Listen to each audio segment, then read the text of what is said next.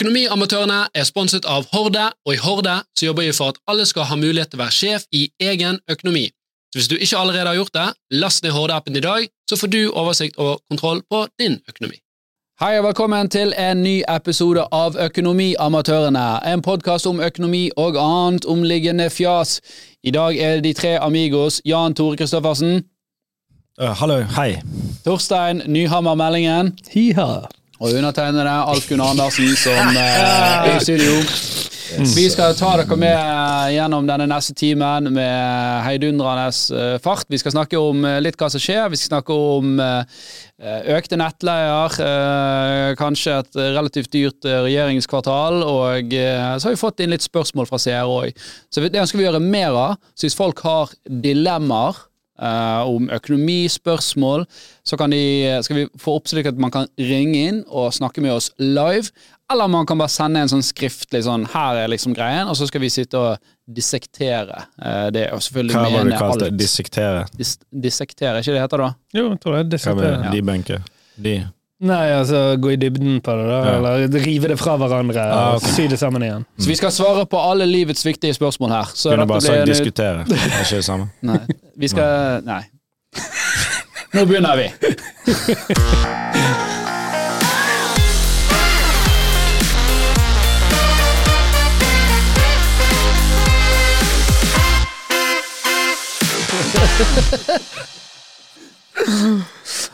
Velkommen tilbake.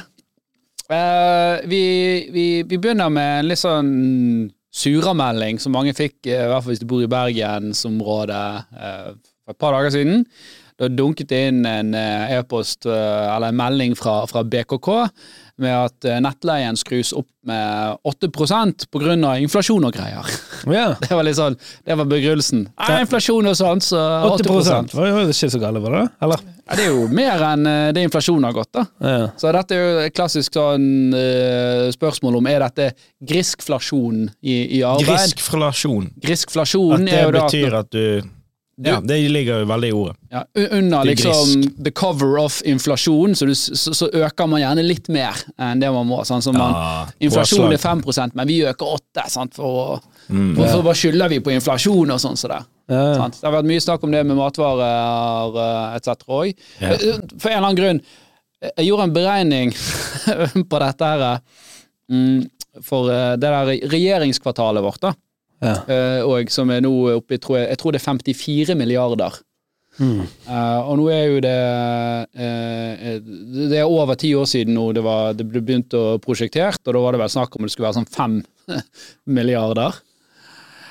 Og, og så sier jo liksom politikere ja, men det er liksom på, på grunn av eh, av ting Inflasjon. dyrere. Altså, er utrolig merkelig at liksom politikerne de, de har hatt 20% inflasjon i året, mens vi andre vi har hatt liksom halvannet til 2% Og så har vi hatt 5% nå siste året, da. Det er riktignok. I forhold til lønninger, eller? Nei, alt, altså Den generelle inflasjonen de ah, siste ti ja, årene har jo vært rundt ja. 2% og så er jo det siste året hvor han har Men det er vel ingen som på alvor sier at det har gått fra, hvis de taler riktig, 5 til 50 millioner, eh, milliarder pga. inflasjon. Nei, det er men det er jo, det er jo standarden eh, på Ja, kostnadssprekken. Det er jo det at ting har blitt dyrere. Men det handler jo egentlig om to ting. sant? Men poenget mitt var liksom, når de skylder på det, så var jo mitt tilsvar ja, men det er jo veldig merkelig hvis det har vært 20 inflasjon fra dere og, og par-tre prosent for oss andre. Men det er jo selvfølgelig òg mer som er med her. Det er jo litt sånn Se for deg at du prosjekterer i regjeringskvartalet der du skal jobbe, og du har i prinsippet en utømmelig lommebok. Det er veldig lett å liksom dra litt på, sant. Og, ja, vi, må jo, vi må jo kunne gå tørrskodd fra, fra parkeringsplassen og inn, og vi må jo ha lunsj i liksom sånn og sånn, og vi må samles her, og så Og så har det selvfølgelig vært noen ting, sånn som det har vært uh, strengere krav til sikkerhet, som gjør, gjerne at uh, det, det nye eh, byggforskrifter man må, må følge da, for at det skal være eh, sikkert. Men sånn 50 milliarder til sammenligning, altså bare jeg har ikke noe forhold til det tallet Ja, det, det, det, Sløseriombudsmannen? Sløseri om eh, Jeg Ja, husker sløseri, om, han nevnte det. Men, det går, men dette, ja, det er jo det er ikke første gang. Dette, altså, dette er jo alt fra denne garasjen. Det var ikke den eh, Olemic, var det han som hadde noe greier der? Stemmer det? Så, altså den Hva var det den var prosjektert Hva var det, estim, hva var det var? Team, fra 20 millioner til eh, flere hundre millioner? Jeg, jeg husker Altså, ikke, men det var i hvert fall det var i hvert fall at Garasjen til sprekken regjeringsbygget. Ja, det var i hvert fall at sprekken på Nei, jeg vet ikke om det var regjeringsbygget, men at sprekken, altså prosenten Andelen det sprakk med, var ti ganger større enn det opprinnelig det skulle koste. Og da er det jo noe som Da er det bare Hva er det som skjer med estimeringen av Dette har jo aldri skjedd i et privat selskap. Hvis du hadde drevet et selskap, Torstein, du drev med, med utvikling av noe, du skulle bygge et eller annet.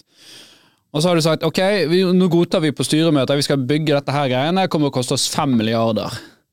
Ja, men det, du- du, du hadde jo dratt i spaker et eller annet og, tenker på. Liksom, er det ingen som har motivasjon av at man forholder seg til budsjettet?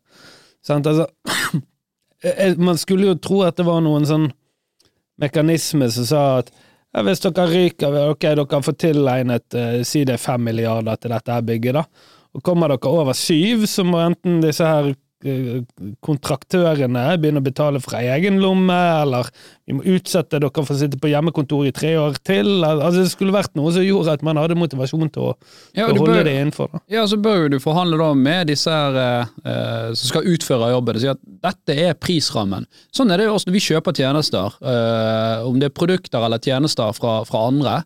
Så blir vi enige om en ramme. Og gud nåde meg hvis de går over den rammen. Sant? Da, skal det være, da skal det være en ganske prekær situasjon som vi har selvforskyldt i. Jeg kan, jeg kan ta et privat eksempel. Da. Jeg, mm. her i, i, i fjor så, så fikk jeg en sånn betongmann bort, som skulle støpe en betongmur og legge belegningsstein og planere og her hvor det går, og vi var enige om en pris. da. Vel- altså, støpe en betongtrapp og sånt. også. Det er en ganske stor betongmur. Så hele opplegget med belegningsstein alt sammen, eh, 300 000 røftlig. sant? Eh, Ink eh, moms. Så det jeg sånn, ok, det er det det koster. Eh, og da hadde jeg gjerne anbud fra flere, og noen liksom skulle ha det dobbelte, og noen skulle ha litt mindre, men jeg følte ikke det nødvendigvis var et, et firma jeg hadde helt tillit til. da. Så jeg valgte liksom, her jeg føler jeg får god prisnytte. Og så kan det skje ting underveis. Han kom og sa du, jeg kan legge et sånn dreneringsrør herfra og sånt, og grave ned her til sånn. Ehm, og da, for da får du litt bedre drenering der. Det var ikke med. Det vil koste 5000 kroner. For det var liksom snakk om han må grave en grøft på tre meter, og så fire meter, og så legge ned i et rør. sant? Så sånn, ok, det aksepterer jeg. Så det var min liksom sprekk der. Men det virker som hos regjeringen, eller statlig eller kommunalt, så kunne du godt si ja, det er røret, det er 100 000 ekstra. Og de bare sånn, ja ja, da blir det vel 100 000 ekstra, da. Ja, For det er hovedsakelig dårlige kontrakter, kanskje, eller kontrakter som ikke innbefatter alt man trenger. da. Vi må jo bare grave ned der, og så får vi se hva som er der, liksom. Ja, eller at eh, man rett og slett ikke har kompetanse på, på innkjøp. Men her, her er bare en artikkel fra 2018. Det er oppussingen og oppgraderingen av Stortinget, som ble vedtatt i 2013, skulle i utgangspunktet koste 350 millioner. De siste årene er prosjektet est ut i omfang og kostnadsramme. Det siste kostnadsanslaget er 2,3 milliarder. Jeg så en spekk på sånn åtte, ja, åtte ganger. Eh, ja. Men der Altså, er det jo det at det er en som eh, En i NTNU, eller fra NTNU, Morten Welde, som har forsket på hva som har gått galt da, i statlige ja, byggeprosjekter. Altså, han, det er Altså det største, altså klare inntrykket er at prosjektet er vedtatt på et altfor umodent grunnlag. Så det er bare Hvem er Ok, Ja, hvem er som sitter? Er det politikere som sitter og estimerer? Er det, Men skulle man liksom tatt, tatt de litt i forsvar Nå vet du ikke i hvilken grad det er de som sitter der og teier, det jo de sikkert ikke, da, men dette her var jo et oppdrag som kom litt sånn plutselig. Så det at man har jo ikke hatt 20 år på å scope opp prosjektet. Men dette så ut som noe annet. Dette var noe oppussing. ja, det var Eh, bare, Men det var bare et eksempel. Men, men det skjer jo ting òg i, i næringsliv. Knytta til det igjen. Sant? Det, det skjer uforutsett ting helt inn i næringslivet. Du må forholde deg til. Det kan være politiske ting som skjer, det kan være markedsmessige ting som skjer, og så må du gjøre noen beslutninger. Og Så går du til styret ditt, og så får du en ramme, og så må du forholde deg til den rammen. Og hvis du, du liksom totalt mislykkes på det, så er, er resultatet at du gjerne må gå som daglig leder eh, fra, fra den jobben. Eller at styret sier vet du hva, hvis det er realiteten, så må vi stryke det. Sant? Og det virker ikke, det er ikke en sånn kontrollfunksjon på, på, på, det, på det offentlige. Nei, jeg, jeg, jeg er enig. Det virker sånn. Men dette, jo, jo si, dette ligger jo litt sånn på tvers av av alle politiske partier og hvem som sitter eh, liksom, i regjering på øyeblikket. Dette er jo bare noe som generelt sett skjer. Mm. Ja, eh, åpenbart. Og, og det, der er det nok kanskje en kombinasjon med manglende erfaring fra næringslivet. For da må man, da man liksom, da må man stå skolerett og forholde seg til, til realiteten. Uh, og så tror jeg òg at det er liksom veldig lett å bruke andres penger når det er ikke noen som liksom holder deg ansvarlig for det. Når du sjøl bestemmer hvor mye du skal bruke av det. Nei, men Stortinget de, altså de leier jo inn firmaer eksternt. I dette tilfellet her så var det Multiconsult som hadde gått inn og gjort en eh, sikkert et Estimat, da, men, men så gjør det jo òg jo du, du driver med sånn her eh, kalkulering altså de, I de estimatene så går du gjennom helt sinnssykt mange poster, der du har best case, worst case, Ja. eh, prisanslag på ting. Sant? Ok, hva Ja. er det mest? Ok, Så hvis alt havner på worst der, så er det på en måte okay, hvor, Jo mer modent et prosjekt er, jo selvfølgelig best case og worst case blir jo nærmere hverandre i de estimeringene. Ja. Men hvis worst case er én milliard, og best case er ti millioner ja, men jeg har så er det jo sånn, da er, jo dette en helt ubrukelig studie, Men jeg- har hørt faktisk- studie og rapport. Da er det jo ikke en, vits. en som jobber eh, hos Multiconsult, har vært litt inne på det og sagt at de skulle Det var et eller annet de skulle grave opp. Og så sa hun at da- er realiteten at hvis vi liksom graver ned og alt er bra der, så koster det X. Hvis det ikke er det, så kan det være hundregangen, for da må man gjøre noe helt annet. sant? Mm. så det er rett og slett. Så kan man jo liksom faktisk grave ned der, men da er kostnaden med det estimatet vesentlig høyere enn dette estimatet. Ja, Men kan man ikke gjøre noen undersøkelser for å se Jo, det sier, men da er kostnaden ved det faktiske eh, kostnadsestimatet fryktelig mye høyere. mm. For da må jo man faktisk begynne å gjøre et stykke arbeid før man estimerer hva arbeidet skal være verdt. Ja. Men du, du hører i hvert fall veldig sjelden at eh, hos private bedrifter at de kan ha kostnadssprekk, de òg. Men det er ikke sånn at Telenor-bygget skulle koste en halv milliard, og så kommer det liksom på ti milliarder. Det, det, det skjer. Men det er jo Telenor, så da, da, da tar de bare noen ekstra gebyrer. På, Ja. Da hiver de på noen fakturagebyrer, og Ja. plutselig koster SMS eh, tre kroner. Men, men du, spør, du spurte litt sånn forhold om 54 milliarder, hva er det i forhold til? Eh, Ja. Og han Sløseriombudsmannen anbefaler å følge han. han. Han hadde en litt sånn, jeg husker ikke alle tallene, men det var sånn her, det er fire ganger mer enn det Burj Khalifa var satt opp, sant, som er verdens høyeste bygning. Det Det virker jo drøyt. og, og, og, eh, og eh, Burj Khalifa er sånn tre ganger så stort sant, Ja, i er kvadratmeter. Sløseri. Og han, han var på showet mitt i Oslo, faktisk. Ja, han har jo vært i poden her. han. også. Ja, ja, ja. Are, et eller annet? Ja, Hilste på han, og sa eh, dette her eh, burde jo vært subsidiert. Ja, han mente det.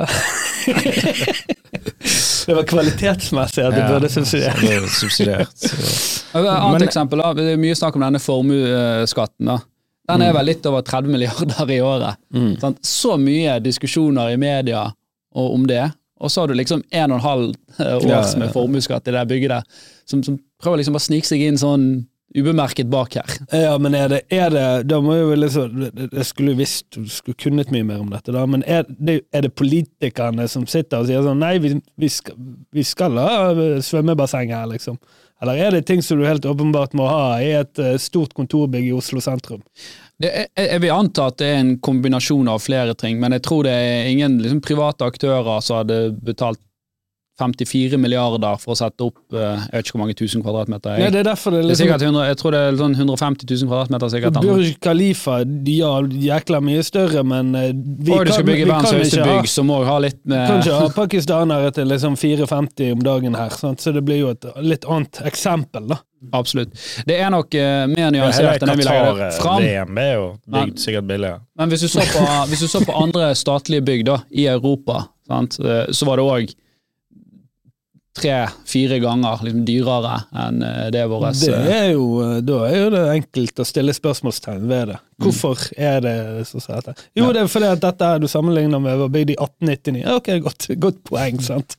Men ja. ja, nei da. Nei, det er spennende. Ja, dette var nyere bygg. Men eh, eh, greit. Uh, og, det gjør jo at Jeg gjorde en liten sånn selvstudie uh, her på dette her òg.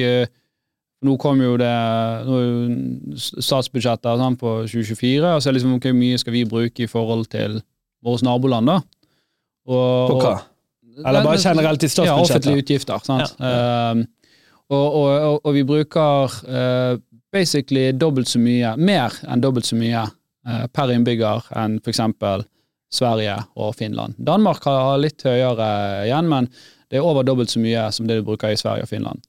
Og så er det sånn, ok, vi kan Altså i, i helse altså, Nei, ja, totalt. Sant? Hvis du tar basically statsbudsjettet og deler på, på antall innbyggere. Og si, ok, men det kan, være, det kan være greit, det sant, så lenge vi får valuta så for det. igjen for det. det er det du Sant? Så, altså, Mm. Og så er det mye sånn symbolpolitikk du kan grave deg ned i. Og så var det sånn, ok, men hva er det som er viktig, da? Sant? Så tenkte jeg, ok, men da må jo man se liksom på hvor godt har folk det. En proxy for det kan jo være liksom eh, hvor syk folk er. Sant? Så jeg tenkte ok, la oss se sykefraværet. Ja, det er faktisk to til tre ganger høyere enn våre naboland. Så begynte jeg å se på ja, ok, men andel uføre, da. Ja, det er, er, faktisk òg dobbelt, over dobbelt så høyt. Uh, mer enn det. eh, er i høyt? Eh, I Norge så er det over 10 mens i i Finland tror jeg det var sånn 3,9, liksom. Men hva var Men, men, U, men jeg tror andel uføretrygda Ja. av arbeidskraften, Ja, liksom, riktig. de som er i Eh, arbeidsalder. Hva kan vi konkludere? Norske folk er svakere. Ja, men ta la akkurat den Du skal få fortsette, men jeg har faktisk sett noen steder at det er helt motsatte. I samfunn hvor du ikke har råd til å være syk, så er jo det åpenbart. Ja, ja, men ja, for det var det jeg nesten tenkte. Okay? Men ok, kanskje da at det er bare det at vi er flinkere til å ta vare på folk når de blir syke her i landet. At det, det er bra. Sant? At uh, her får du faktisk hjelpen du, du trenger. Selv om 10% andel, eh, altså én av ti ikke liksom er uføre, høres jo veldig høyt ut, da. Men ok, oss, så, så da tenkte jeg, ok, hva andre ting kan man se på da? Ja, men la oss se da på Hvis vi, vi blir, blir så godt tatt vare på av staten, da må vi være mer lykkelige. Sant? Og da har du noe som heter World Happiness Index, som er en årlig kåring. Da skårer vi dårligst av alle de nordiske landene. BHI. Og så har vi hatt liksom dette her um, at vi har Ja, men vi har jo i hvert fall mye penger, da. Vi har høy disponibel inntekt, der vi ligger på førsteplass. Men der har vi falt ned til sjetteplass, og under mange av liksom, nabolandene våre. Så de andre europeiske Ja, altså, landene. det, dette er ikke faktisk inntekt, men inntekt i forhold til kostnad. inntekt. Ja, disponibel ja. inntekt, det, liksom. det skjønner jeg. Eh, altså penger som du faktisk kan ha og bruke. Sant? Når du har Etter når du har alt, betalt alt, alt er betalt, sant? hvor mye har du liksom til å rutte med? Uh, Så Så vi vi, vi liksom betaler da- dobbelt så mye. Vi er sykere, vi er fattigere, og vi er mindre lykkelige. Og da, Ja, er det, det er liksom, da må man Ja, det, begynner- er det pga. For, for mye puter under armene over lang tid? Er det det vi kan Nei, jeg tror jo det er en kombinasjon her, sant, med De fleste land som har stor, eh, stor eh, inntekt, eh, har vel òg økte utgifter, Vel, Er vi syke fordi vi er ulykkelige, eller er vi ulykkelige fordi vi er syke? Er det sånn. Vi er sånn jo på catch toppen av lykke- 22? lykketoppen i verden. hele. Vi er sånn fem, vi er 5 toppen, Ja, ja.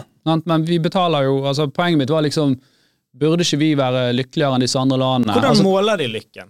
Jeg antar det er noe I eh, eh, spørreskjema de ut. World Happiness-greia så gjør de det, tror jeg, i forhold til eh, offentlige utgifter på eller helseordninger og sånne ting. Altså Det er veldig sånn proxy-basert. da. Ja. Jeg vil si egentlig, med mindre de har gjort store endringer i denne lykkegreiene, så ville jo disse offentlige utgiftene vårt vært en parameter for lykke ifølge den indeksen.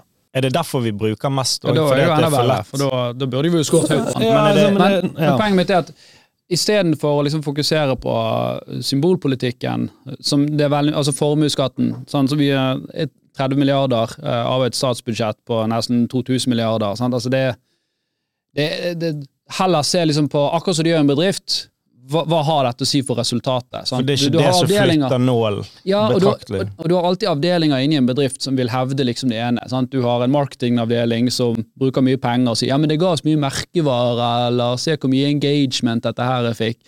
Og så sitter du som, som laglig leder og sier men bevegde det nålen? Altså, ga det oss et sluttresultat òg?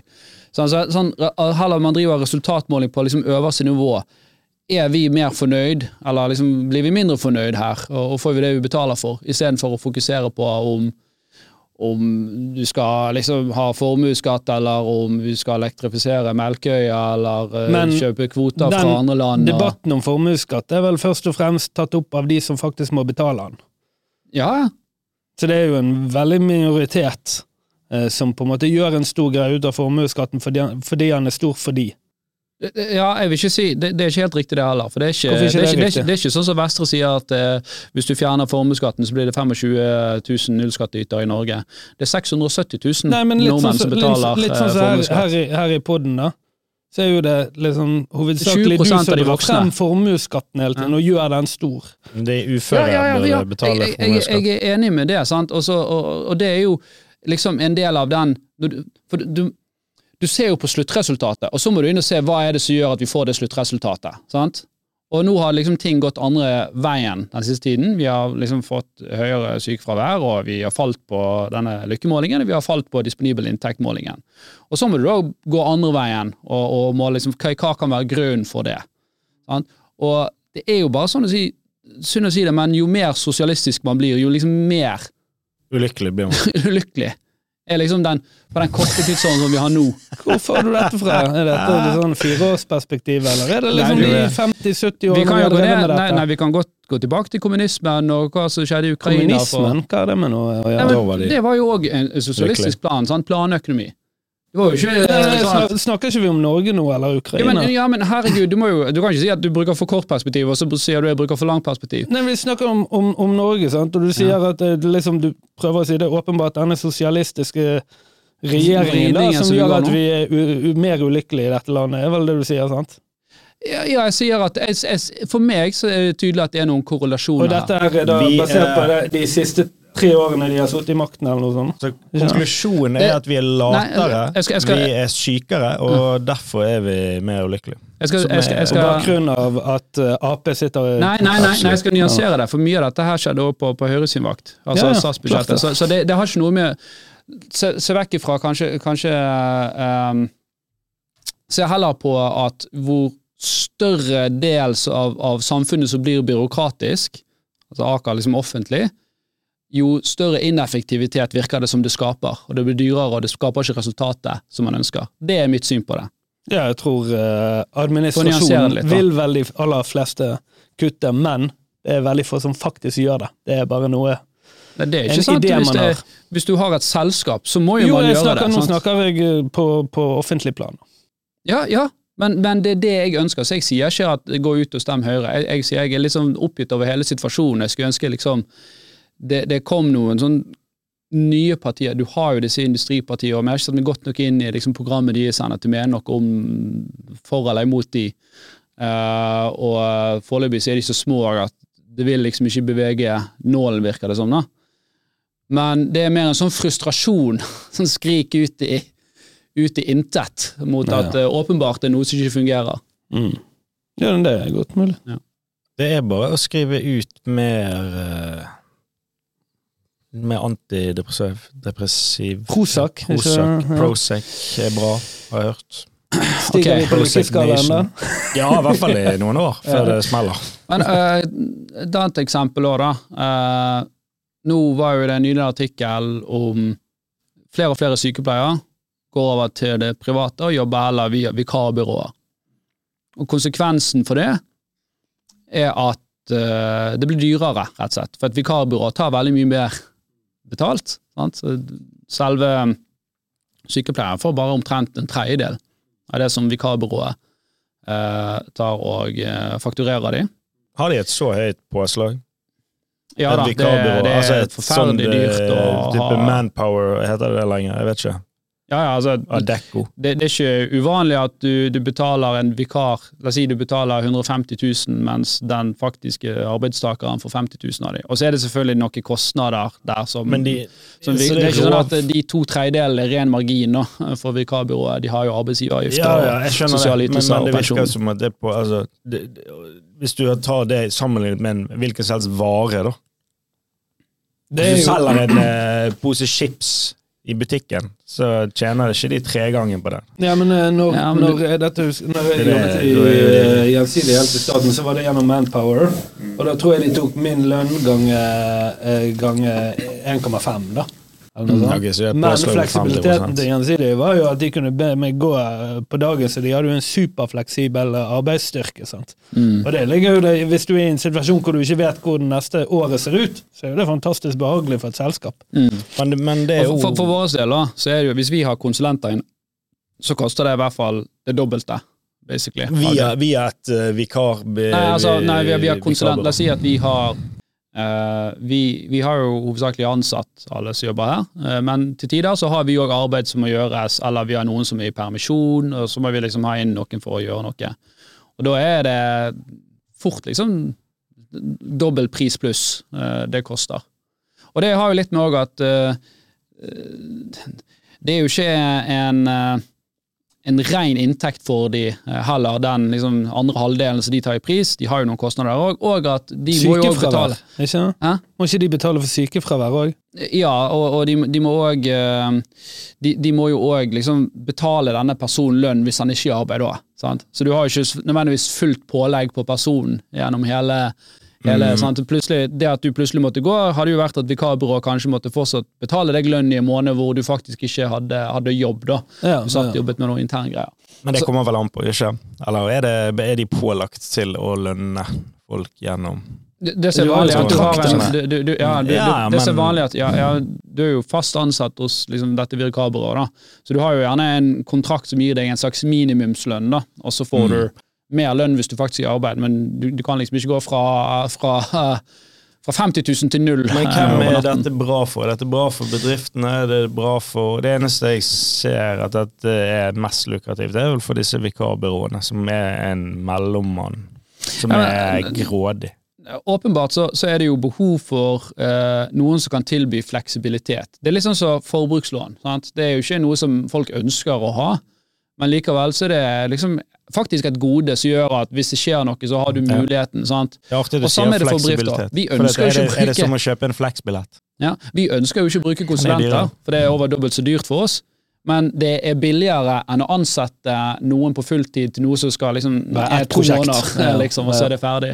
Eller at uh, noen går ut i permisjon, og da liksom må du ut og finne en person og si ja, kan du jobbe her i ni måneder, og så stikke? Eh, Så kan da- det òg være en fantastisk måte å få teste ut personell på. da. Det kan også være. Det er nok en ganske høyt kjørn hos disse vikarbyråene òg, fordi folk ender opp med å bli eh, ansatt. Og da har du, La oss si at du har en, kun, en person da, i ett til to år, så det er en kostnad med deg for å skaffe den personen òg. Så, men, men poenget mitt var egentlig at Ja, sykepleier. sykepleier. sykepleiere Det er jo det. Det er jo først og fremst Det er en sektor Ja. som er Dette er et problem. eh, og, Hva er problemet? At, Eh, eh, Problemet er at stadig flere sykepleiere velger å liksom ta Det spørs hvordan du definerer om det er et problem, da. Men uh, at flere sykepleiere nå heller jobber privat via vikarbyråer, for det gir de større fleksibilitet, de får, og de får bedre lønn og bedre betingelser for det. Og det ender opp med å koste dobbelt så mye, eh, eller tre ganger så mye som, som for, for det offentlige. da. ja. Så det er ineffektivitet, altså ineffektiv uh, ansettelseskultur i, i staten, da, på en måte. Ja. Istedenfor å måtte leie noen til dobbel pris, så bør du da Uh, betale mer, eller ansette flere. Det ene, sant? Ja. Istedenfor å betale tre ganger prisen der, så, så kan du jo heller bruke de pengene på faktisk da gjøre Ja, og, og gjør du høyere lønnen, så blir det gjerne mer attraktivt, så du får faktisk flere som ønsker å bli det, sant? så det er lettere å få turnuser til å gå opp. Så Så, stat og, stat og kommune gir egentlig For de mangler jo ri- ris. De gir ris til egen ræv, da. ja, og, de, mens det som irriterte meg, det var hun, Kjerkol, hun som helseminister. Hun var ute sånn Nei, dette var ikke bra, dette var ikke den norske modellen, dette var ikke Vi måtte være solidarisk.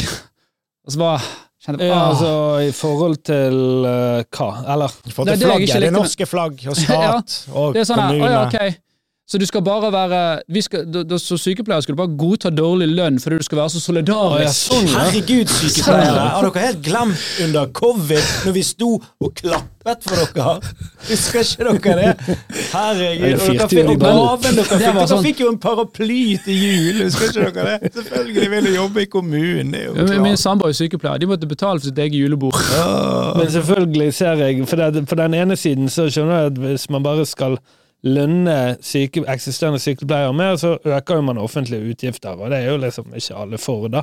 Men hvis de offentlige utgiftene er høy fordi at de må drive og leie inn private dyrere sykepleiere, så bør jo man liksom se på modellen. Ja, og da, da kommer vi inn til denne her eh, privatiseringen av, eh, av, av eh, helsevesenet, da. Eller av helsetjenester, jeg skal ikke si helsevesenet, men enkelte, store deler kanskje av helsevesenet.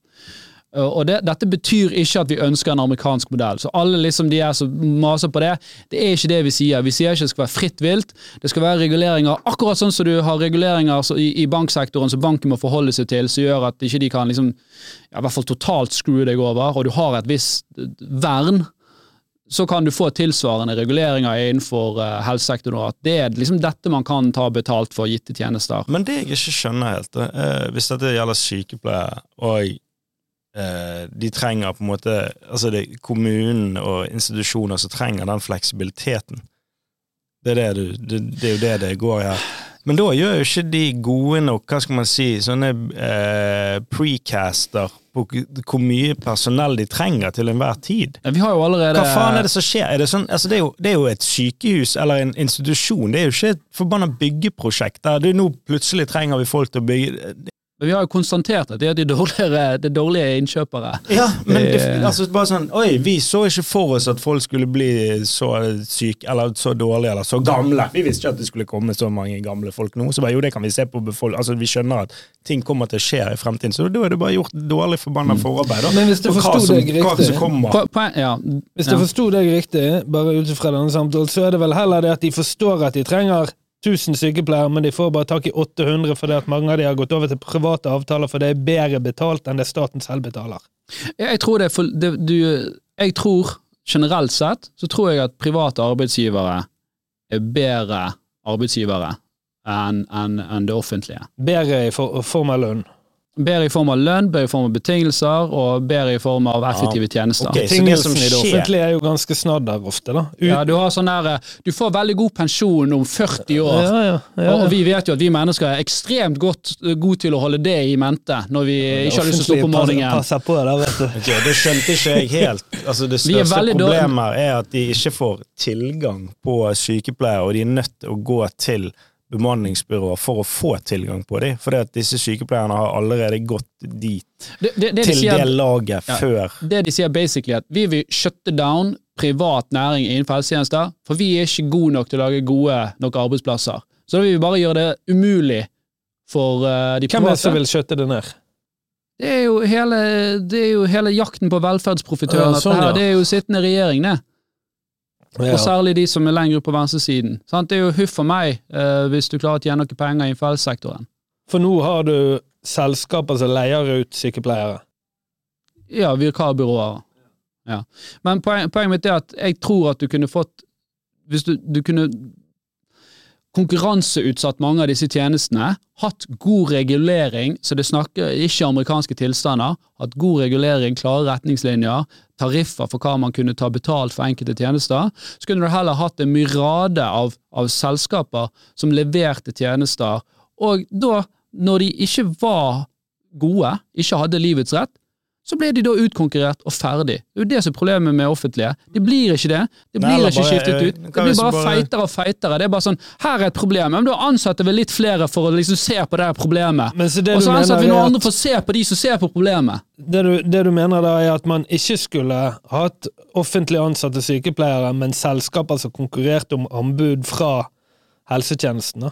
Jeg sier, du, jeg sier ikke nødvendigvis det heller, for det det er helt klart at ha et sånt uh, liksom basaltilbud kan være bra. sånn helt sånn, Her er liksom standardtjeneste. Jeg sier ikke du skal privatisere Haukeland, sant? men eh, Hele Haukeland er Volvat nå.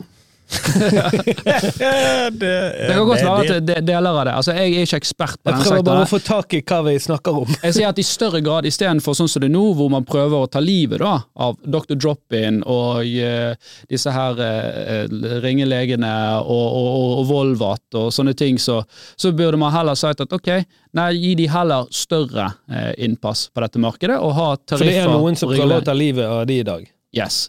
Dette er jo jakten på velferdsprofitørene. Stakkars Volvat. Og da er jo liksom svaret og argumentet er jo at ja, men hvis de private får, får styre på, så er jo de så veldig mye bedre arbeidsgiver at folk vil gå der. Så vi må bare passe på at ikke de får holde på. Vi må holde dere her, i tvang. Og hvilke reguleringer er det som blir satt i spill for å ta livet av disse, da? Dette har jo vært retorikken på alt fra venstresiden og Rødt eh, de siste det tre årene. forslag, da? Det er ikke liksom noe som vedtas på noe salg. Jeg, jeg har ikke det konkret i hodet hodet der, men ja, det har, det har vært flere ting Men er det som har vært eh, bare oppe nå. Hva som er det- besluttet det ikke besluttet, det vet jeg åpenbare? ikke, men man ser jo hvilken vei det går, da. Men det er åpenbart, ikke det bare å gi dem mer lønn og Jeg har bedre ingenting i helsevesenet å gjøre. altså Jeg har ingen sånn skin in that game. bare for det. Ja, men du har jo en, eh, en, eh, samboer- kon- samboer. Det er jo sykepleier. Ja da, ja, hun jobber sånn. ja, Hva gjør litt hun? Er hun privat? Nei, hun, hun hun, er delvis hun jobber på en klinikk på dagtid, og så hun var fulltid i, i eh, det offentlige, jobber Ja. på kreftavdelingen. Nå er hun, eh, er hun mesteparten på en privatklinikk, og så jobber hun heller skift. eh. Ja, ok, så hun jobber to jobber. Ja, okay. Hva Ja. mener hun? Det faktisk... Hun sa det at etter hun begynte å, å jobbe privat, så fikk hun en helt annen forståelse for liksom arbeidslivet hvordan ting henger sammen. Uh, at uh, ja, ok, hvis jeg er syk, så har det faktisk liksom Konsekvenser. konsekvenser. Ja. Så, så, og, og det som hennes tilbakemelding er at nå, Kanskje legger jeg litt sånn parafrasing eller ord i munnen på henne, men mitt inntrykk var det at hun mente at hun syntes dette var, ga hun mer mestringsfølelse og større forståelse om to, hvordan ting henger sammen. Men jeg kan jo skjønne at noen er redd for denne privatiseringen. Det, det, er jo, altså, det er jo litt sånn som ok, det, hvis du sam, Dette er jo en tullete sammenligning, men allikevel, kanskje en, kanskje en gir mening. Hvis du tar de som er renholdere på hotell, da, så skal jo de, de skal banke gjennom så og så mange rom om dagen for at å, det skal være så og så forbanna effektivt. Sånn at jeg skal kunne forsvare lønningene deres i forhold til hva enn de eh, måtte gjøre. sant? Og, og hvis, hvis det skal bli det samme med sykepleiere Nei, du må, altså, Hvor mye tid blir det til hver pasient, og denne type ting? Altså, du, du går jo inn på et Men, men ta det annet. ta det motsatt på, da. for det er ikke, det er det ikke motsatt, en, en sammenlignbar bransje, da. Ta det motsatt. Du, du hadde, hadde offentlige hoteller, og det var ingen sånn krav til hvor mange rom du burde, du burde re opp i løpet av et skift. Så da står du der og skal sjekke inn klokken fire. og Nei, nei, men, Beklager, det er tre dager til rommet ditt er klart. Nei, men det ene er jo, det ene er jo et menneske, det andre er jo en, en seng som krever Altså, det, det er litt forskjellige behov der, da. Gjerne. Eh, Absolutt. Så, Eh, så, så det blir litt sånn vanskelig å ja, men det, det, er derfor jeg sier, det er derfor jeg sier at det du, som- du, kan, du, kan, du, kan ikke ha du, kan, du kan eh, ikke ha en sånn produksjonslinje der du, så vil du bare kaste mennesker på en båre, og så blir de dratt gjennom her. Men eh, så, så åpenbart at det, det må jo være kvalitetskontroller på arbeidet som går. Hens reguleringer, noe som vi har innenfor finanssektoren og hatt der i lang tid, og har fungert veldig bra. Det har ikke vært mange bankkriser i Norge i, i, i nyere tid. Vi kan klage på at vi betaler litt mye på renten, og sånn, men stort sett så er folk sånn passelig fornøyd eh, med, med den eh, sektoren der. Så, så du kan ha reguleringer og regler og kvalitetskontroller, men jeg tror òg at hvis du hadde fått private inn der, så ville de sett på dette. ok, Hvordan kan vi, uten å drive rovdrift, men faktisk effektivisere dette eh, arbeidet. Ok, Kanskje vi kan lage en eller annen maskin som gjør at her kommer sengetøyet inn sånn som det, eller sånn og sånn og sånn. Her har vi laget et eller annet, så det blir strømlinje, for logistikken blir bedre. For det, de har et insentiv til å jage disse punktene. Innovasjon er jo at en sykepleier skal ned fire etasjer for å hente et backpanel, og så opp igjen fire etasjer og bruke 40 minutter på det. Mm, og Det- er det- jeg vet ikke om det er sånn det Nei da. jeg, jeg skjønner det absolutt, og jeg ser jo den. At det, det, det er fra det private. At de har den eh, Det er høyere grad av innovasjon i det det, private. det, Definitivt. Selvfølgelig. For ellers er det jo sånn Nei, sånn har det alltid vært, og sånn har det alltid fungert. Jeg tror litt av dette spøkelset med f.eks. sykepleier er jo at du nettopp får den her eh, insentivbaserte arbeidsdagen hvor du ja, du- Lise, du skal, nå skal du gjennom 40 gamlinger i dag, sant? Nei, men du, selvfølgelig er jeg helt Nei, enig at det er nordmann enkelt Nei! Innenfor, nei, for innenfor finansnæringen så har du eksempel at du har ikke lov å lønne nye ansatte basert på Nei, men- hva produkter nei, de selger. sier- Sier det er litt av spøkelse. på-. Hva heter Ja. det? Akkord? Ja, At du går på antall pasienter du klarer å bytte Ja, de har provisjonsbaserte sykepleiere. Hvor mange kreftkurer klarer du Udo? ja. Kan!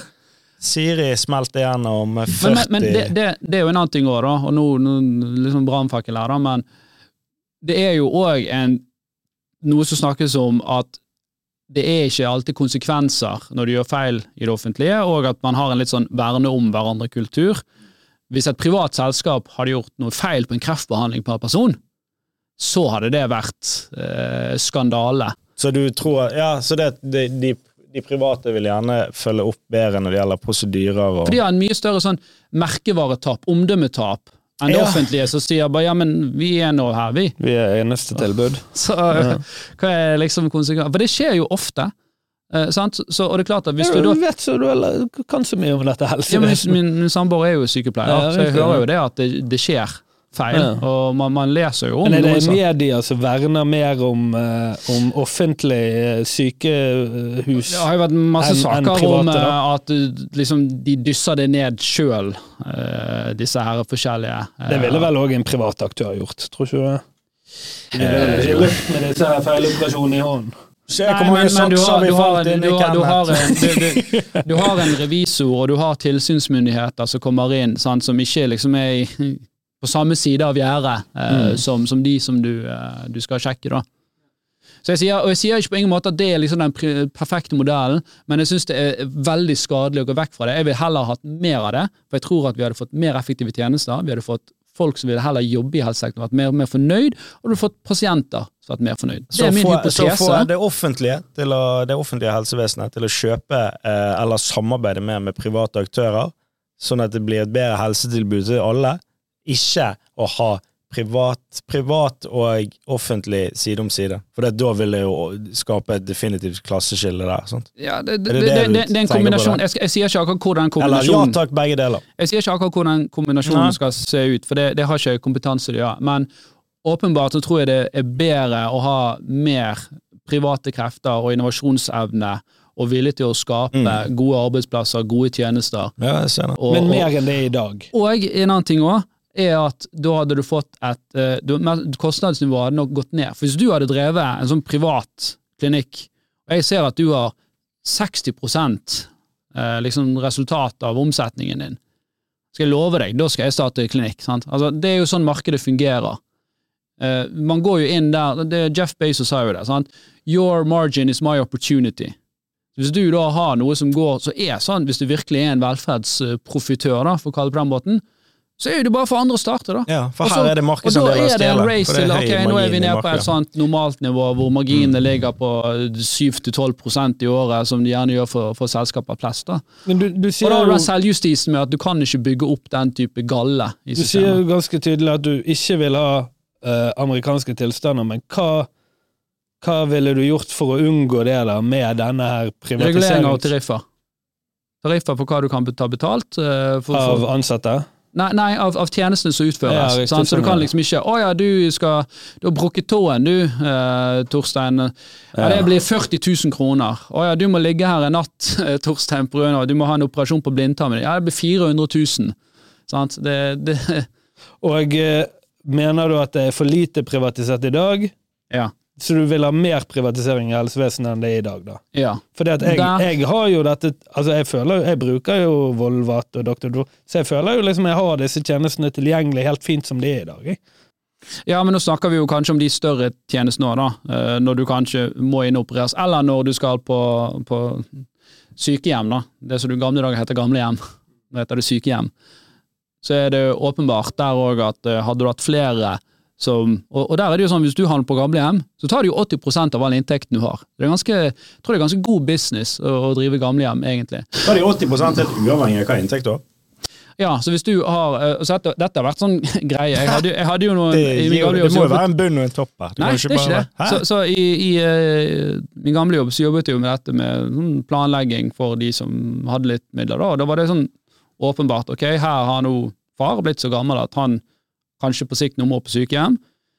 Eh, hvis ikke vi overfører verdier nå, til enten kone eller til barn, og, dette var jo folk som hadde sånn ekstremt mye penger Så eksisterende så formue eller av inntekt han får. Nei, eh, kapitalinntekten der, da. Så de, de tar ikke over formuen. Men hvis det da sto i, liksom i, i, i fond, da, og genererte en million i avkastning i året, eller rentefond, Så vil de ta 80 av det? Yes. Av avkastning? Ok, så det, da må jo det selvfølgelig, da må jo alt av det verdier bare overføres. Så det er, vel- Ja. er det vel lov, ikke? Og det er litt sånn tilsvarende. Hvis du da, særlig på aldershjem, da, nå kaller jeg det istedenfor sykehjem, Det er ikke lenge så, til. så er det klart at uh, da, hvis det hadde vært så god forretningsmodell òg, så ville jo flere også startet aldershjem, og du hadde fått et bedre utvalg, så du kunne si at nei, vet du hva, jeg vil bo her, jeg vil på der, de er flinke på dette, de har sånn terapibasseng, de har dette. Da hadde du fått et bedre tilbud, og, og, og det hadde ikke vært en sånn her at noen hadde tjent seg sånn uforskammelig rik. Hvis noen hadde tjent så mye penger på det, så ville det vært andre aktører som hadde startet lov- med det samme. Er, det, er ikke det lov å starte privat sykehjem?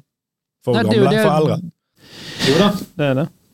Det, det er det man ikke ønsker nå, da, for Nei, dette er men det velferdsprofitører. Det- det- det- det Det er jo bare å kjøpe et bygg og få inn gamle er- folk og kalle det noe annet. Kall det bingo, kall det hva faen du vil. Og så bare Ja det fakturer er- de, så klarer du å jobbe litt rundt det der. Så, får, så Det går det sånn word of mouth. men Gamlinger er- snakker med andre er gamlinger. Her er det foreløpig eh, lov med private sykehjem. Da, Og, og der, der er jo òg argumentet denne solidariteten, og det var, det var det som irriterte meg. for det vil jeg frem til. Jeg, jeg, jeg hang meg så opp i det at hun sa det, at det er usolidarisk. Og det høres ut som sånn her russisk eh, Sovjetunionens sånn her, eh, Nei, det er ikke du, du må, Hvis du har sett den der Tsjernobyl sant? For sånn Skal du gi dårlig samvittighet til sykepleiere Staten, som sant? ikke vil sant? Nei, jobbe det er for liksom staten? fellesskapet. Sant? Det er Ja, ja, ja, ja. usolidarisk for Nei, jeg er helt enig, ja. Så ja, men betal nå, da, for den Ja, solidariteten! ja, ja. Nei, men de har ikke mer offentlige penger. Nei, for de lærer vikarer til Det tre er prisen. de- de- de- Det de blåser, de blåser det på boligprosjekter, Ja. på eh, byggprosjekter. Sklir ut av proporsjoner. Oh. Jeg måtte bare rante Jeg synes syns alle, alle sykepleierne i 2025 å ta kun 80% av inntektene, sånn at vi kommer i mål med dette her stortingskvartalet. Ja. Ja. Det syns jeg vi skal. Mm, de må ta det for laget. Kanskje en, kanskje en brannfakkel, Vet du at det er flere direktører i helsevesenet enn det er intensivplasser? Nei, men det har ikke noe forhold til Men det høres sykt ut, da. Det, det er 380-90 direktører. Skremselspropaganda du driver med, Alf. Ja, det er det. Hva er det du har i gult? da? Greit. Jeg har noen noe innringer eller Har sånne vi noe her òg? Dette var helt sånn random. Det var jo på økonomi, det var jo eh, på et høyt eh, økonomisk-politisk eh, nivå. Politisk kvarter. Politisk, vi har ingen eh, enda mindre kompetanse. Ok, Sterkere meninger, syltynt grunnlag. Men vi, vi har fått noen, eh, noen spørsmål, så jeg paraphraser de litt. Så kan vi diskutere litt uh, problemstilling om dere har noen gode løsninger. Powerphraser. Para. Paraphraser. Ja. Hva er det for noe? Altså at jeg, jeg forteller ikke de akkurat igjen sånn som de. Jeg liksom Nei, tar, tar essensen av det, da, kan du si. Ja, ok. Eh, Cherrypicker. Ja, skal overta en bolig, har en del forbrukslån eh, og betale ut en annen arving. Så har 600 000 i usikkerhet i dag, og betaler ytterligere 600 000 for å kjøpe ut den andre arvingen. Huset er verd eh, 2,5 mill. Ja, da er du totalt på 1,2 millioner. Da har jo eh, under 50 dekning. Refinansierer alt inn i boligen. Neste. Virtuelt. Eh, Du hørte det her først. ja, men ok, Hvis han har 600 000 i, i usikkerhet, og han må ha 600 000 til Var det Ja. sånn å forstå? Så han må ha 1,2 Han har 600 000 i usikret gjeld, og, 600 000 og må ha 600 000 for å kjøpe ut den andre arvingen. Huset har en verdi på Ah, okay. 2,5 millioner. Ok, Så det, da vil han totalt sitte med et boliglån på 1,2, da. Ja, for han flytter da forbruksgjelden, altså den usikre gjelden, Ja. og inn i han har, boliglånet. da vil han få verdier for 2,5. Ja. Og du vil ha lån på 1,2, så du har jo netto da 1,3 eh, Ja, du, har igjen. du eier jo 50% av huset ditt. da. Nei, du eier, du eier hele huset. Du har, 50, du har under 50% belåning. Og da kan Ja, du òg faktisk få rammelån, så du slipper ikke. vel faktisk å betale ned. Du kan faktisk få avdragsfritt lån, tror jeg, hvis du er over 50 Ja, Rammelån kan du få. Ja, eller du kan få sånn Altså, jeg, jeg ville jo sett at dette var en easy, for la oss si de 600 000 i usikkert gjeld, der er det sikkert en rente på mellom 15 og 20 da. Så klart at uh, dette er jo en, en no-brainer. Han har vunnet masse. Han har jo uh, vunnet masse. Du får jo lavere yes, Du får lavere kostnader på den gjelden du har i dag, og du får uh, verdier som totalt liksom Ja, du overstiger det. få, få, ja, utgiften, vil du si at utgiftene, hvis det der på 600 K har en rente på 15, eller hva enn det har, da, Mm. ja, så vil jo det på Hvis du får 1,2 ned på 5,8, så vil jo det være, ja, som du sier, det vil jo være lavere utgifter på 1,2 enn på 600. da. Ja, hvis du har 600, eller si hvis det er 10 så er det 6000 i året, så det er, okay, så 90 000 da, i, i, i renteutgifter eh, i, i året, det, det har personen i dag. Uh, hvis det er ja, to, uh, han må jo ha 1,2 i lån, så ja, 60 000, ja. Det faktisk lavere rentekostnader totalt. Får du, gans du får ganske betraktelig lavere rentekostnader totalt ved å gjøre det sånn. Så du kjære person som hadde dette spørsmålet, uh, ja, gå til banken din, si, fortell i situasjonen, jeg har dette, jeg må kjøpe ut det, da får jeg dette verdiobjektet der, da vil jeg ha et lån på dette. Da har dere så mye sikkerhet, Uh, og selvfølgelig du må vise at du klarer å betjene lånet, du kan ikke gå der med null inntekt, men det er vel ingen som har null inntekt i For du Norge. går da er jo omtrent fra Du må gå jo. Du går jo omtrent for 100% sikkerhet til Eller fra null til 100% Ja. Altså i banken sin. No-brainer, Hode. no-brainer, no Så- Men det jeg får øynene mer og mer eh, opp for, for jeg snakker litt med folk i Ikke norske folk om dagen, det er at du har sånn eh, Hvis du spør folk om de hvor de bor, eller om de eier noe, så er det veldig mange som sier sånn jeg er sånn, eh, jeg er sånn eh, ikke-huseiertype. Så det er veldig sånn eh, huseiertype, ikke huseiertype. Mens i Norge så føler jeg at vi alle er liksom huseiertype, da. Mm. Ja. Eh, Jo men det er vel, det er veldig- over 80% av husholdningene i Norge eier sitt egen, egen bolig. Ja. Eh, Går du til Tyskland, så er det sånn et par og 40 For her føler jeg definitivt at det har med økonomi å gjøre. Hvis du er eldre og ikke eier en bolig, så er det av økonomi av en eller annen grunn. Ja, Det er her, liksom her, er det jo, her er det jo liksom en menneskerett at Mens- alle skal eie sin egen Mens bolig. rundt omkring i, i Europa og i US, fra, de jeg snakker med fra USA òg, så er det mer en sånn eh, hvem, Litt sånn hvem du er, på en måte. Ja, okay. Mm. Det har ikke nødvendigvis noe med eh, økonomi å gjøre. De kan ha mer enn nok penger til å eie, de bare er ikke den typen. Det er sjelden det er et aktivt valg i Norge. Det, det er jo, Mm. det, det, og det, det kan være gode argumenter til det, til det sant? for det er jo alternativinvesteringen din. Sant? Hvis, og nå har det vært en fantastisk utvikling i eiendomsmarkedet i Norge som gjør at det har vært vanskelig å konkurrere med det, men samtidig så har den verdiøkningen også kommet på. Du har hatt en sinnssyk giring i det. Sant? Du har hatt et hus hvor du hadde én million i lån på, det, la oss si det var en million i verdi, så er det verdt liksom ti millioner nå, sant? Eller, eller fem millioner, i hvert fall realistisk. Så du har du investert liksom én, fått og så har du giret for fem. ja, sant? Ja. Så, så du, har, du har fått liksom en helt sånn uproporsjonal eh, avkastning på grunn av at du har hatt et uh, falende eh, rentenivå, du har hatt god eh, lønnsøkning, og så har du òg hatt at foreldregenerasjonen har igjen kommet inn og nok Men- men det det videre opp til neste. Men det du sier da, som, er, som ja, de fleste, ikke de fleste, jo, de fleste vet vel det, at det, det er sånn det funker, og har funket i Norge. Men er det, sånn som du sier, i Tyskland, ok, bare 40 eier det. Men har ikke den utviklingen vært i Tyskland? På boligmarkedet? Har den vært veldig annerledes? Ja, for det er færre andel som eier uh, bolig Ja, det der. skjønner jeg, sant? men den, Og- bolig, har, har prisutviklingen Jeg tror det i er Tyskland kultur. Jeg tror prisutviklingen er, har vært veldig høy ja, men for. Hvis den er den samme, hvorfor er det ikke flere som gjør det i Tyskland? da? Ja, men Av det- eh, økonomiske årsaker. Ja, det, jeg, Det tror det, mening jeg tror det er litt kultur òg, og så tror jeg òg at uh, Det i, I. Norge har vi vært litt skjermet for store boligkrakk, fordi at så mange eier boligen sin, og det gjør at ok, boligprisene faller, ja, men da må jeg bare bo her, da. Mens i Tyskland, hvor halvparten liksom er ja, utbyggere og spekulanter Det er større risiko. ja, Ah, okay. i, I Tyskland, hvor halvparten er da spekulanter, så er det jo da at når boligprisene faller, så blir de tvangssolgt. Og da fører det til ytterligere boligprisfall. Så liksom, det har jo på en måte beskyttet nedsiden, men det har gjort at vi kanskje har fått kunstig høye boligpriser etter hvert i det er veldig sånn boligvennlig politikk i Norge. sant? Ja. Uh, nei, men bra. Er det lurt å ha ett eller flere kredittkort? Så mange som mulig. Jeg, jeg, jeg har et slags svar der. Uh, hvis du er en person er som ingen feil svar, bare dumme svar. ja men, ja, ja, men da er det kanskje et dumt uh, svar, da. Hvis du liksom behersker kredittkort, eh, så- som er liksom at man klarer å, å bruke det til det de er bra til, da. Og det er Ja, det er jo uh, utstrakt uh, på en måte utstrakt lån uten å betale renter. Uh, samtidig så får jo man en del goder. Jeg får jo blant annet de her companion tickets. Jeg kan jo reise ja, hvor jeg vil i, i hele verden en gang eller to ganger i året uten at jeg betaler en krone i rente på det der Amexen mitt. Sett. Ja, for du har opparbeidet mye poeng, da.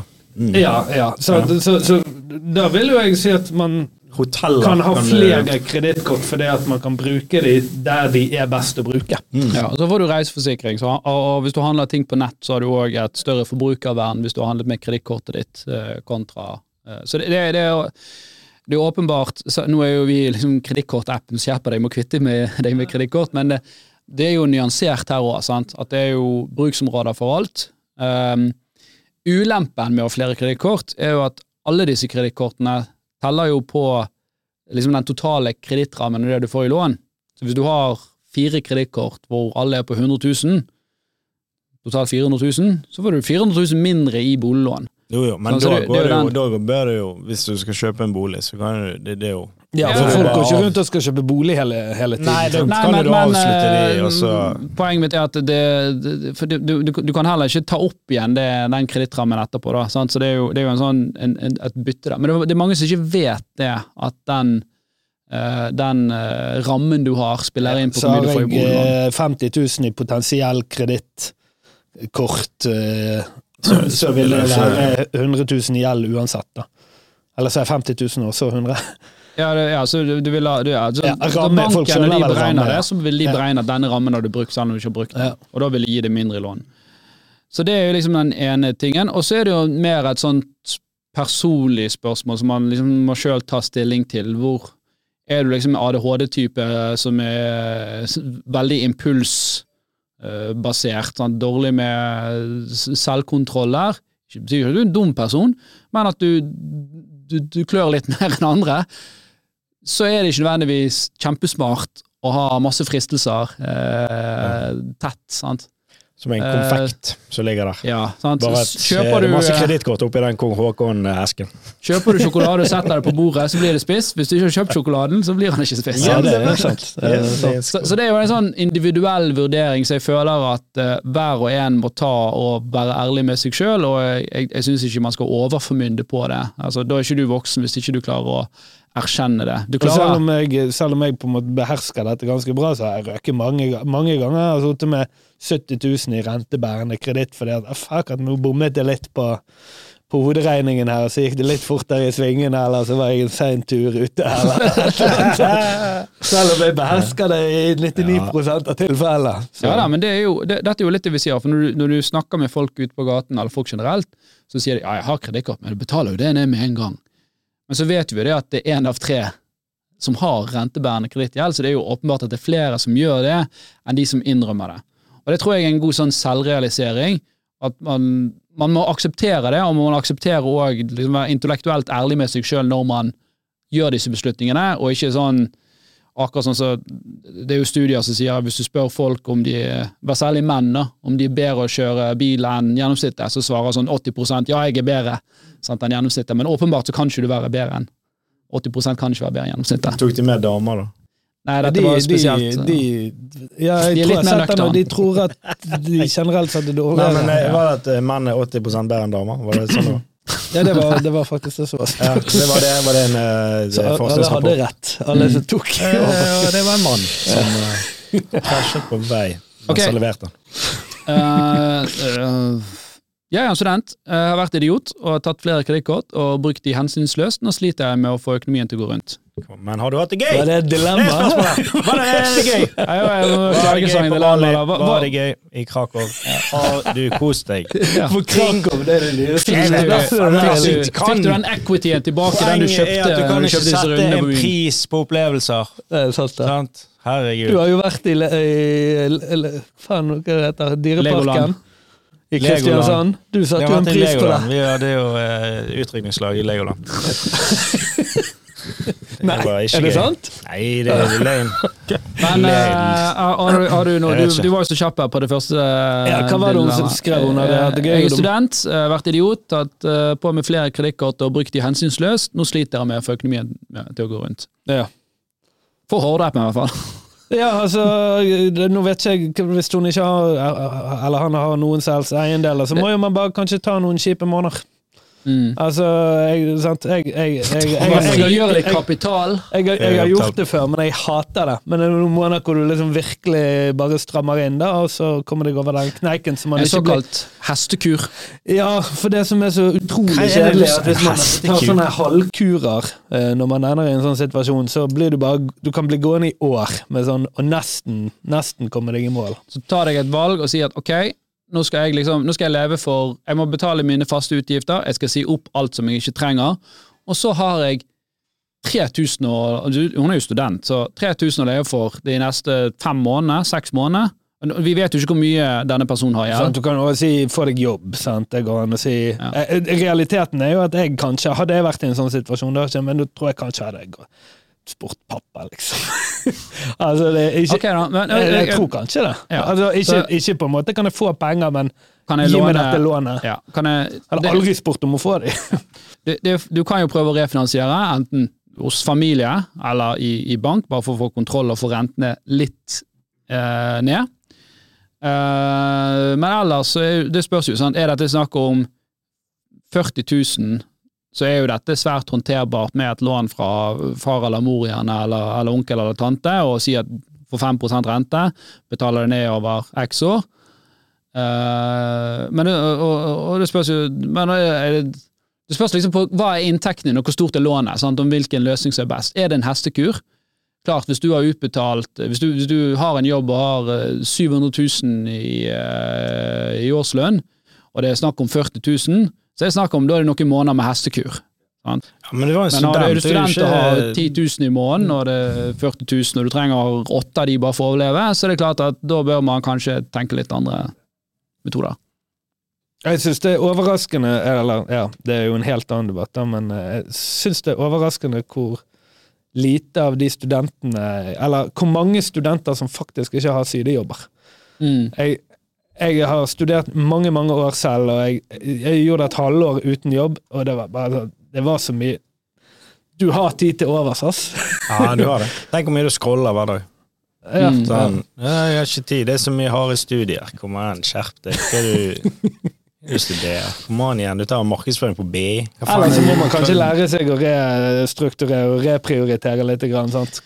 Men jeg, jeg er enig med deg. Eh, jeg tror det er veldig godt å ha en jobb ved siden av. Jeg, jeg, var, jeg, skal jeg var litt heldig der, da. Jeg, jeg jobbet for uh, Kulturkontoret, faktisk. Så jeg var, jeg, var sånn musikklærer uh, for kids, da. Uh, på, på, på kvelds... Eller egentlig bandlærer. Så det var liksom to kvelder i uken, så var det det varte sånn en Men sånn nå vet åpen jo ikke vi hvor flink vedkommende er I musikk. pedagogisk og med musikk. Nei, Men hvis du men- har et talent Det er noen som ikke har noen. Det, det, Det, det, er jo standup-komiker, det er jo et godt eksempel. så, så fortell vitser for to flasker. Poenget mitt er at sånn, Jeg jeg, jeg, var mange jo heldig, så jeg slapp jo å jobbe på Rema. Sånn. Jeg fikk jo jobbe med noe som jeg likte. Jeg fikk òg liksom høyere lønn enn det jeg fikk på, på Rema. og Det var liksom to kvelder i uken. Det var Rema er bra betalt nå, det. Ja, det kan godt være det. Men, eh, men ja, så, så jeg skal liksom ikke banne i kirken og si men bare få deg en jobb på, på, på Rema, for jeg, jo en, jeg hadde var jo heldig. Og takknemlig for det. Nei, men uh, Greit, det er masse andre dilemmaer her. Vi, vi var veldig langt inne i, uh, i denne her uh, politiske hjørnet her i dag, så jeg tror vi skal vente med, med resten til, til neste gang. Vi tar imot innringere. Vi har òg en kampanje nå i Horde som tilsier at hvis du har refinansiert, uh, fått lån og fått utbetalt via Horde, så kommer vi til å trekke en, en vinner uh, 28. mars, er det vel? Eller det, det, du må ha gjort det innen 28. mars, og 2. april trekker vi en vinner. Så vi nedbetaler da inntil 250 000 Oi. kroner. Der ble jo hun, Det er jo et tips til hun Ja. eh, med gjelder. Melde på. Ja. Innsats priseksempel. eh, Her, her, her er det in, inntil, sant? Inntil, ja. ja. Ja. Okay. Så uh, har du allerede et lån som er aktivt, så du har fått via Horde for øh, om det er et år siden, også, så er du fortsatt med i trekningen. da. Så det er ikke sånn at du må refinansiere nå, hvis du har gjort det tidligere, så, så er du fortsatt med. Så lenge du har gjeld. Ja. Dette er jo ikke en oppfordring til at man skal ta nye lån for å være med i konkurransen, bare sånn at vi, vi er tydelige på Men det. gjør du det ikke, så er du altså ikke med i konkurransen. Mm. Ja. Så det er jo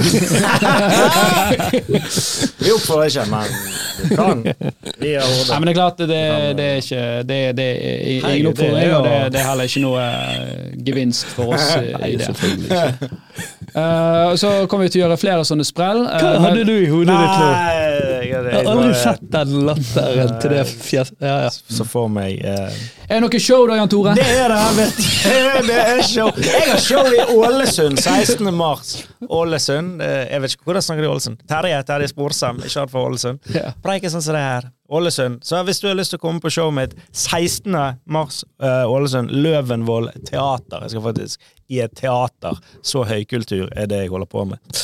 Så bare følg meg på Følg meg på TikTok eller Insta. Send meg Skal du gi et par billetter DM. Der så gir jeg vekk eh, to billetter til, eh, til Ålesund. Ålesund. Ålesund-showet mitt 16. mars. Steika jeg flirer. Ja, JT Kristoffersen på Instagram eller eh, TikTok. Så kan du ta deg en tur opp på Utsikten, som det heter der oppe, så kan du se ned på byen. Det er sånn, Jeg kan ja, ja, jeg bør gjøre sånn- noe i Ålesund, Når du viser sånn der, Se her i Ålesund, så alltid der oppe, for du ser. Når du det, ser det er veldig fint. utover Det er fint der. Jeg har vært der. Ja. Nei, men uh, gode greier. Da snakkes vi Trekker du, neste gang. trekker du disse reklameplassene hans i lønn, eller? Nei, jeg- Dette er jo betalt uh, annonsering. ja, du får betalt for annonseringer. okay. Nei, men uh, gode greier, og uh, selvfølgelig tenkte jeg alltid om for alt mulig rart. Vi snakkes! Ha det bra.